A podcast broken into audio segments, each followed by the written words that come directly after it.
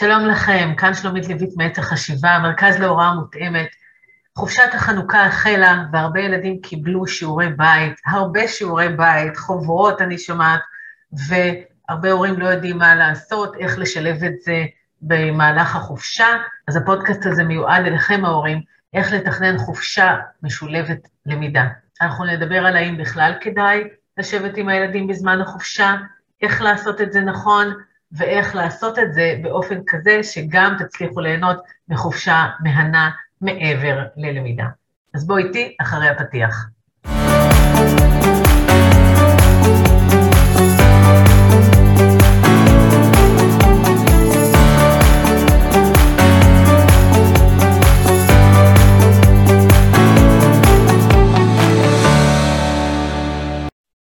כן, אה, חופשת חנוכה היא חופשה שהיא קצרה יחסית, לעומת החופש הגדול ותקופת החגים, אבל כבר הלימודים הם בשיא הקצב, והרבה בתי ספר, במיוחד השנה, נתנו לילדים הרבה שיעורי בית, חוברות, אה, בכמה מקצועות, וגם בכיתות הנמוכות, וגם הילדים וגם ההורים לא תמיד יודעים איך להתמודד עם כל המשימות האלו, זה מבהיל אותם, זה אפילו קצת יכול לקלקל את החופשה. ובל נזכור שההורים, רוב ההורים הם גם עובדים בשבוע הזה, אז אה, איך משלבים את הדברים, ותוך כדי גם נהנים מהחג והדלקת הנרות וכל מה שכרוך בזה. אז בואו נתחיל ממה הילדים עושים, נכון? מה הם עושים בחופשה, בזמן שההורים בבית בעבודה? קרוב לוודאי שהילדים במסכים, נכון? רואים אה, משחקים בפלאפון, בטלוויזיה, והרבה הורים ככה, זה יוצר אצלם אי נחת. והטיפ הראשון, שהוא לא ממש קשור ללמידה, אבל באמת אני רוצה להציע לכם לא להיות שיפוטיים, כלפי זמן המסך של הילדים בזמן החופשה. גם אנחנו, המבוגרים, בחופשות שלנו, רוצים קצת מנוחה, רוצים קצת הרפייה, אה, לפעמים ככה רואים איזה, תופרים איזה סדרה בנטפליקס, אה, כן, כל אחד והצריכת המסך שלו בזמן הרוגע, ו... ותנו לילדים. בסדר, במיוחד שכמו שאמרתי, מעבר לכתף נמצאת ככה איזה חוברת עם המון המון משימות, אז תשאירו את האנרגיות שלכם לדבר הזה. זה הטיפ הראשון, ובהמשך אנחנו נראה איך אה, להוביל את הילדים גם לעשייה בתחום הלמידה. הטיפ השני, הנושא השני שאני רוצה לדבר עליו, זה שכן חשוב שהילדים יעשו משהו ממשימות החופש. אני לרגע רוצה לדבר על הלמה, כן? אמ, כי אני בטוחה שהרבה הורים שואלים את עצמם, רגע, הילד הולך לבית הספר, ועכשיו חופש, ולמה עכשיו כל השיעורים האלה, וכל המשימות, ולמה הגזרמות האלה, וככה כל, אה, כל האמירות שיש לנו באי שקט כלפי הדבר הזה. אחרי הקורונה, הנושא של צמצום פערים הוא מאוד מאוד חזק, ועכשיו מעץ החשיבה שאנחנו עומדים גם בבתי הספר של גפן, אז אנחנו רואים את כמות הילדים שצברו פערים, ויש ככה איזשהו רצון מצד מערכות החינוך לעשות כל מה שניתן כדי לצמצם, וכן, חלק מהדבר הזה ש... מגיעות אה, יותר חוברות. אני לא אכנס כרגע אם זו הדרך או לא זו הדרך, כן, קטונתי. מה שכרגע אני מדברת אליכם, ההורים, שקיבלתם את, קיבלתם ביחד עם הילדים את, ה, את המשימה הזו. אז כן אני רוצה להמליץ לכם לעשות משהו, איזשהו חלק, משימות שעומדות לפניכם. לא, לא לזרוק את זה הצידה, לא להגיד, אנחנו לא מתעסקים עם זה, אלא כן לקחת על זה איזושהי אחריות, לראות שהדברים האלה קורים, ואני אתן לכם כלים איך לעשות את זה בצורה קלה ונוחה יותר. ולמה? למה אני, כן חשוב לי שכן הילדים יעשו משהו מסיבות וחופש? אם אנחנו שולחים את הילד שלנו למסגרת, ולא משנה איזה מסגרת, איזה סוג של בית ספר, לכל מסגרת יש את הדרישות שלה. וחלק מהעניין של לפתח בילד תחושת שייכות, תחושת הסתגלות, תחושת מסוגלות, היא לעמוד במשימות המסגרת שלשם אני שולחת את הילד שלי, אוקיי? ו...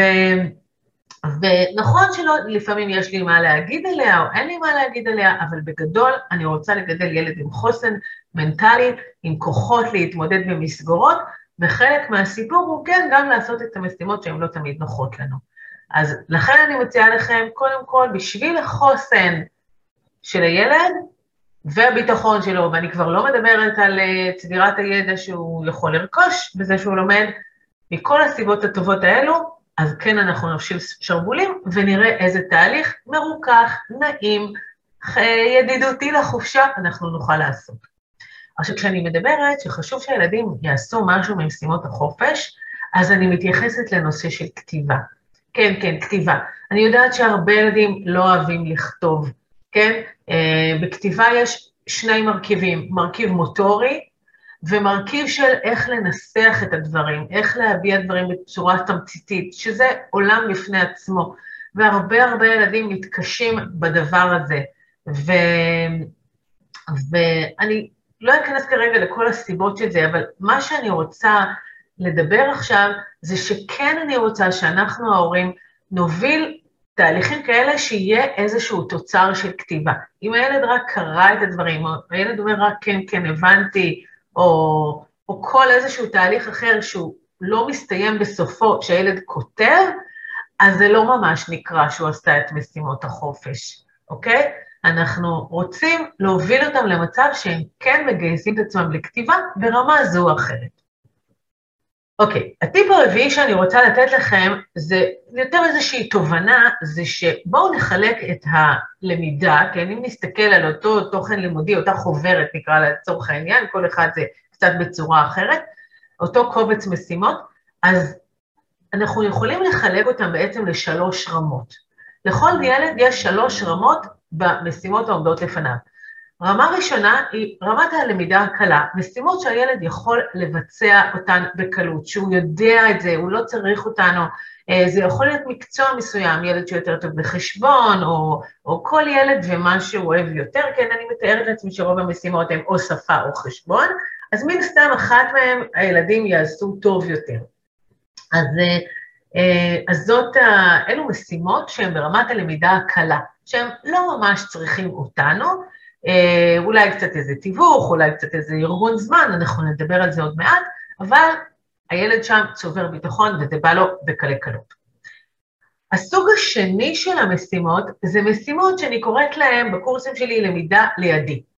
אה, משימות שבהן הילד צריך איזשהו תיווך קטן, הם, אנחנו צריכים להיות באזור, אני לא אומרת ממש לשבת על ידו עם האצבע ולראות שהוא כותב, כן, אני לא, לא מעודדת תהליכי למידה כאלה ארוכים, לשבת יותר מדי עם הילדים צמודים, אבל לפעמים יש, אנחנו רק נהיה, נהיה בסביבה, נכוון קלות, שהילד יכול לפנות אלינו לשאלה, אולי איזו הדרכה קצרה, כן, לשאול אותו, רגע, אתה עשית את זה במשימה הקלה, יכול להיות שזה קשור, כן, תיווך מאוד מאוד עדין, כן, אה, שבעצם עוזר לילד אה, לעשות איזושהי משימה שהוא קצת חסר ביטחון בה, והוא טיפה צריך את העידוד שלנו, את התזכורת הקצרה שלנו, וזה קורה, שזה מסוג הדברים שהילד לא יוכל לעשות כשאנחנו בעבודה, אה, אלא כן הם צריכים להיות כשאנחנו באזור. זאת הלמידה על הידי. כן, הייתה לנו למידה קלה, שילד יכול להיות עצמאי, למידה לידי, כשהילד עושה את זה כשאנחנו בסביבה, והלמידה השלישית זאת בעצם איזושהי למידה מלאה, שתחום שהילד לא יודע אותו, יש לו חוסר ידע בנושא, וצריך לשבת וללמד אותו את זה מבראשית, אוקיי? אמ, זה יכול להיות איזו מיומנות בחשבון, כן, אה, אה, לפתור תרגילי כפל במונח, או תרגילי חיסור במונח, או כל איזשהו נושא, כל ילד והנושא שלו, או בקריאה שילד ממש לא יודע לקרוא אה, אצלי תנועה מסוימת.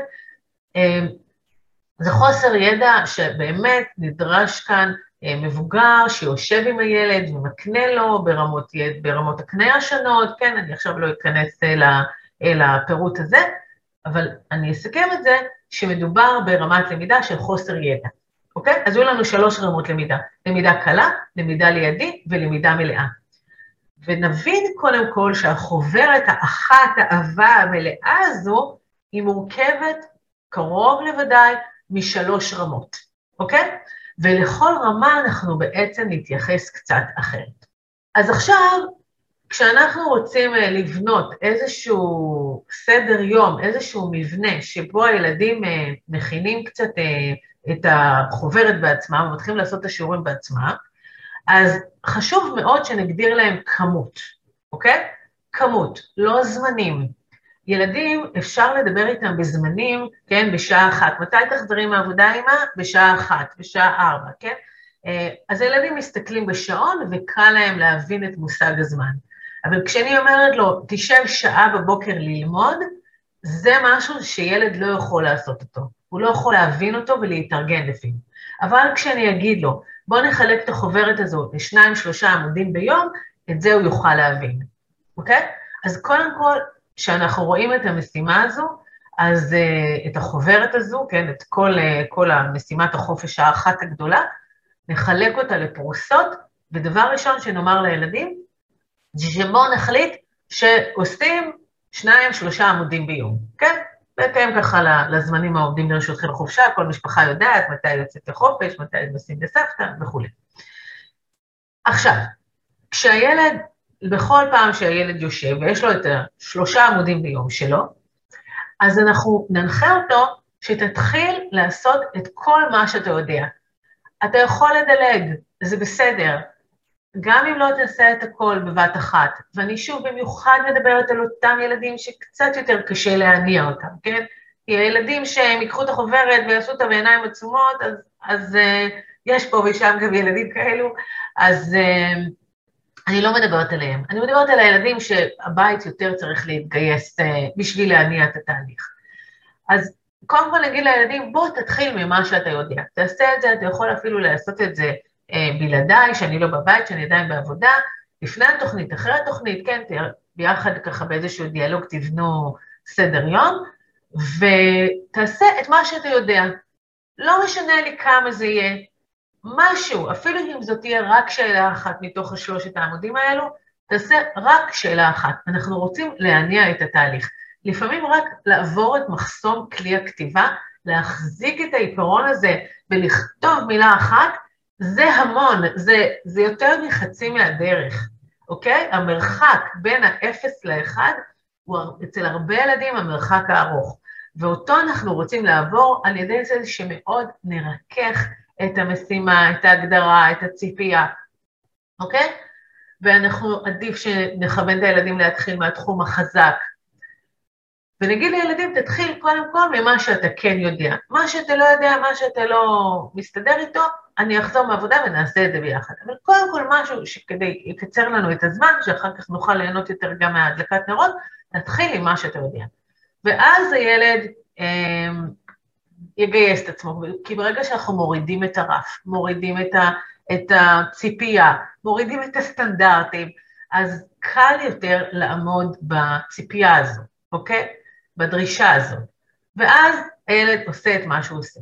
כשאנחנו נסתכל על מה שהגענו מעבודה, או הסתכלנו על דבר, מה שחשוב, שמה שנעשה, קודם כל נחמיא ונתפעל. גם אם זו תשובה קצרה מדי, גם אם לא היה לגמרי מדויק, אם זה בחשבון, כן?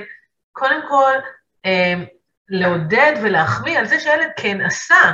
בואו, הוא לא ראה עוד פרק בטלוויזיה, הוא הקדיש אה, כמה רגעים בשביל כן לעשות את אותה פעולה, אז בואו נמחא כפיים על זה, אוקיי? אם, אם מדובר בנושא שפה, אז ממש אפילו הייתי אומרת לכם, אל תתייחסו לאיכות, לא, תעזבו את עניין הכתיב, זה בכלל, אל תתעסקו עם זה עכשיו בשיעורי בית של החופש, עם נושא של כתיב. קודם כל שהילד יצבור קילומטראז' של כתיבה ועשייה, בסדר? אז אם זו שפה, ממש אל תיכנסו לשום איזושהי ביקורת או, או הערה בונה או כל ניסוח אחר שבעצם גורם לילד להרגיש שמה שהוא עשה לא מספיק טוב. להפך, אנחנו רוצים להרגיש, לה, להעביר מסר שמה שעשית זה נהדר וזה יפה ואנחנו מאוד מעריכים את זה ורואים את הכוחות ואת ההשתדלות. זה קודם כל. עכשיו, עכשיו אנחנו נסתכל מה נשאר לנו. עכשיו אני אשאל אותו, את הילד, נעבור אל השלב השני, וכן, וחשוב שאני אדע שאני עכשיו עם הזמנים, בלוח זמנים שלי, כן, יש לי עכשיו כמה רגעים להקדיש לדבר הזה, אבל אפשר גם לקבוע מראש, כן, ואחרי שתסיים את התוכנית, אני אסיים פה את העניינים שלי, ואנחנו נשב ביחד ככה לראות איזה עוד שאלות אנחנו יכולים לעשות ביחד. מה שנספיק, נספיק, מתוך שלושת העמודים האלה, אוקיי? ו... ופה אפשר להגיד, להגדיר לילד זמנים. אנחנו נשב רבע שעה, כן? זה בסופו של דבר ילדים בבית ספר יסודי. המשימות האלה, כל משימה בפני עצמה היא לא ארוכה, כן? אם, אם מגדירים זמנים קצרים אה, ושיושבים עם הילדים, אז זה, זה יעבוד. ואז אנחנו רוצים לאתר עכשיו את השכבה השנייה, כן? משימות שילד כן יודע, אבל אולי יש לו בהן איזה חוסר ביטחון קצת. הוא מתלבט, הוא לא בדיוק בטוח אם צריך לכתוב את זה ככה או ככה, או להתחיל מפה או משם, או לכתוב את זה ראשון ואחר כך את זה.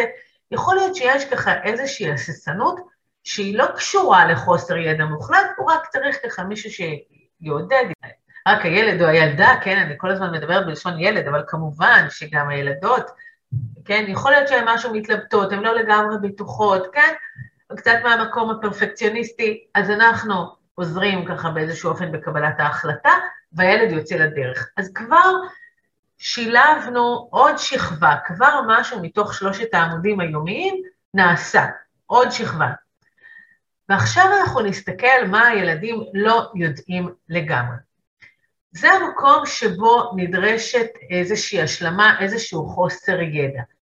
אני מציעה בזמן החופשה לקחת לא יותר מנושא אחד מרכזי, אמ, משמעותי, שהוא המרכז בתוכן הלימודי, בחומר הלימודי, בהתאם לכיתה שכרגע לומדים, אם התחילו ללמוד אה, את לוח הכפל, אם התחילו ללמוד איזה מיומנות בכפל, אם אה, משהו בקריאה, אם, אה, כן, מיומנות אחת שהילד לא יודע, ובא להתרכז ואותה ללמד, וכל פעם, מאחר ויש לנו כמה ימים, אז כל פעם ללמד את זה בעוד רובד ועוד רובד. אם אנחנו רוצים, גם אפשר לקחת איש מקצוע, ללמד ולהתרכז באותו תוכן שהילד לא יודע ועכשיו לומדים אותו בכיתה. זה, יש לנו באתר עץ החשיבה את רשימת אה, בוגרות, המורות שלמדו אצלנו, בוגרות הקורס שלנו, בשיטה שלנו, בגישה, ובהחלט, אם אתם מרגישים שזה כבר יכול ליצור עומס גדול מדי עבור הבית בזמן החופשה מהנה, אז למה לא לקחת מישהו שיעזור לילד, יעזור לילדה, לקדם אותם באופן נקודתי וספציפי. והבוגרות שלנו יודעות לעשות את זה בצורה מובנית, קלה ומקצרת גם דרכים, כן? אחד הדברים שאני מלמדת בקורסים שלי זה איך לצמצם פערים בצורה שהיא מקצרת את הדרך, ולא, ולא שומרת על הפער אה, לאורך זמן. אם אנחנו החלטנו שאנחנו עושים את זה, אז לשים לב שאנחנו מתמקדים בלא יותר מנושא אחד, כמו שאני אמרתי. וזה בסדר גמור, הרבה ילדים זוכרים מאוד לטובה את זה שהם ישבו עם אבא או עם אימא, ו... והוא לימד אותם בצורה טובה את הנושא הספציפי, וזה גורם לזה עוד יותר לחרד בזיכרון. כמובן שזה נעשה באווירה נעימה ובאמת באיזושהי התלהבות, ברוח אחרת.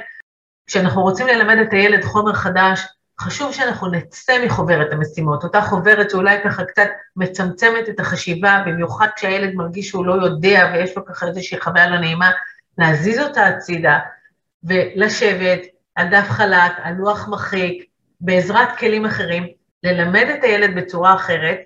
אתם יכולים גם להיעזר באתר עת החשיבה, יש שם חדרי בריחה, יש שם הרבה משחקים, הרבה סרטונים בכל מיני נושאי למידה, ואפשר ללמד את הילדים ולהיעזר בתכנים האלו, ואחרי שהילד מבין את זה, אז לחזור אל החוברת ולעשות את הדברים, להתאמן וליישם שם. אוקיי? לא ללמד את זה בצמוד לחוברת.